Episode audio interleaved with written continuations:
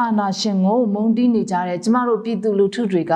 လူခွင့်ရေးရရှိဖို့နဲ့ Federal Democracy ပြည်ထောင်စုကြီးထူထောင်နိုင်ဖို့အတွက်လှမ်းနေလေအောင်မြင်းဆောင်မကြံတွန်းလှန်နေကြပါတယ်။လူခွင့်ရေးကိုဆူဆူဝါဝါချိုးဖောက်နေတဲ့စက်ကောင်စီကိုခုခံတွန်းလှန်ဖို့နဲ့ပြည်သူလူထုကိုကာကွယ်ဖို့အတွက်မျိုးပြတွေကနေအစကျေးလက်တွေအထိခုခံကာကွယ်ရေးဗျူဟာတွေချမှတ်ပြီးတွန်းလှန်နေကြပါတယ်။ လူခွင့်ရေးအတွက်တိုက်ပွဲဝင်ကြတာကမှန်ကန်တဲ့လှုပ်ဆောင်ချက်တစ်ခုပါပဲဒါပေမဲ့လူခွင့်ရေးအတွက်တိုက်ပွဲဝင်ရှင်ကိုကိုယ်တိုင်ကလူခွင့်ရေးချိုးဖောက်တာတွေမဖြစ်ဖို့တရားမျှတမှုကိုယူဆောင်ရင်ကိုကိုယ်တိုင်ကဥပဒေမဲ့ဆောင်ရွက်တာတွေမလုပ်ဖို့အတွက်တတိပြုဖို့လိုအပ်ပါတယ်တစ်ဖက်မှာလည်းမိမိတို့ရဲ့လှုပ်ဆောင်ချက်တွေကနိုင်ငံတကာလူခွင့်ရေးစံချိန်စံနှုန်းတွေစစ်ပွဲဆိုင်ရာဥပဒေတွေကိုလေးစားလိုက်နာဖို့လိုအပ်ပါတယ်။ဒါကြောင့်အမျိုးသားညီညွတ်ရေးအစိုးရ ကာကွယ်ရေးဝန်ကြီးဌာနကပြည်သူစစ်သားတွေလိုက်နာရမယ့်ကြံဝတ်တွေကိုထုတ်ပြန်ကြေညာထားတာဖြစ်ပါတယ်။စစ်ဖက်ဆိုင်ရာကြံဝတ်တွေထဲမှာအရေးကြီးတဲ့အပိုင်းတစ်ခုကတော့စစ်ရေးဆိုင်ရာပြစ်မှတ်တက်မှတ်ခြင်းဆိုတဲ့အပိုင်းတစ်ခုဖြစ်ပါတယ်။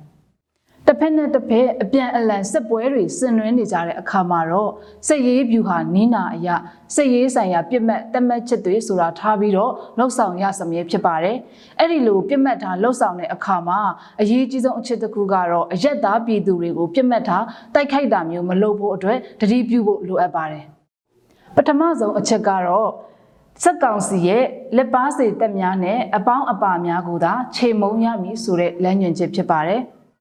အဓိကဆိုလိုတဲ့အချက်ကတော့စစ်ရေးအရာတိုက်ခိုက်တဲ့အခါမှာအကြမ်းဖက်စစ်ကောင်စီကိုလက်နက်နဲ့တိုက်ခိုက်ကူညီတဲ့တပ်သားတွေဒါမှမဟုတ်ရင်လက်နက်ကင်မဟုတ်ပေမဲ့စစ်ရေးအရာတည်င်းပေးထောက်လန်းနေတဲ့သူတွေကိုဆိုလိုတာဖြစ်ပါတယ်။ရင်ဆိုင်တိုက်ပွဲတွေလုပ်ကြတဲ့အခါမှာယူနီဖောင်းဝတ်ထားသည်ဖြစ်စေမဝတ်ထားသည်ဖြစ်စေလက်နက်ကင်ပြီးတိုက်ခိုက်လိုက်ပြီးဆိုတာနဲ့အဲ့ဒီလူကိုလက်နက်ကင်တိုက်ခိုက်သူလို့ကျမတို့ကသတ်မှတ်ရမှာဖြစ်ပါတယ်။အပေါင်းပါဆိုတဲ့သူကတော့နည်းနည်းရှုပ်ထွေးပါတယ်။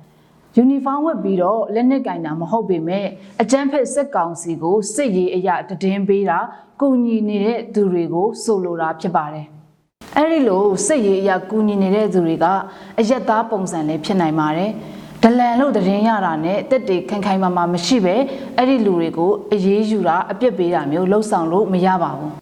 အဲ့ဒီလိုလှုပ်ဆောင်မယ်ဆိုလို့ရှိရင်သူတို့ဟာအကြမ်းဖက်စစ်ကောင်စီကိုစစ်ရေးအရာကူညီပေးနေတဲ့တည်င်းပေးနေတယ်ဆိုတာကိုတိတိကျကျခိုင်လုံတဲ့အထောက်အထားတွေရှိဖို့လိုအပ်ပါတယ်။တစ်ဆက်တည်းမှာပဲနောက်ထပ်အရေးကြီးတဲ့အချက်တစ်ခုကတော့အယက်သားပြည်သူတွေကိုပြစ်မှတ်ထားတိုက်ခိုက်ခြင်းချင်းချောက်ခြင်းမပြုရဆိုပြီးတားမြစ်ထားပါသေးတယ်။ အယက်သားတွေဆိုတာကဘယ်အချိန်မှမစိုးကာကွယ်ပေးရမယ့်သူတွေဖြစ်ပါတယ်။ဒါကြောင့်မို့လို့အယက်သားတွေကို ပြစ်မှတ်ထားတိုက်ခိုက်တာမျိုးလုံးဝလှုပ်ဆောင်လို့မရပါဘူး။ဒါကြောင့်အကြမ်းဖက်စစ်ကောင်စီကိုစစ်ရေးအရာပြစ်မှတ်ထားတိုက်ခိုက်တော့မယ်ဆိုရင်တောင်မှအယက်သားပြည်သူတွေထိခိုက်ပျက်စီးမှုနည်းနိုင်သမျှအ ਨੇ ဆုံးဖြစ်အောင်တတိထားလှုပ်ဆောင်ရမှာဖြစ်ပါတယ်။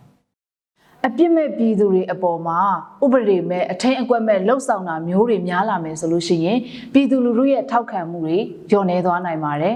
။စစ်ကောင်စီကပုံဖော်ဖို့ကြိုးပမ်းနေတဲ့အကြမ်းဖက်အဖွဲ့တစ်ခုအဖြစ်နိုင်ငံတကာကလည်းရှုမြင်တာမျိုးတွေဖြစ်လာနိုင်ပါတယ်။ ဒါကြောင့်အကြမ်းဖက်စစ်ကောင်စီကပုံဖြတ်ဖို့ကြိုးစားနေတဲ့အကွက်ထဲမဝင်အောင်ကာကွယ်ရေးဝန်ကြီးဌာနကထုတ်ပြန်ထားတဲ့ကျင့်ဝတ်တွေကိုလေးစားလိုက်နာရင်လူခွင့်ရေးနဲ့ Federal Democracy အတွက်တိုက်ပွဲဝင်ကြပါစို့အရေးတော်ပုံအောင်ရမည်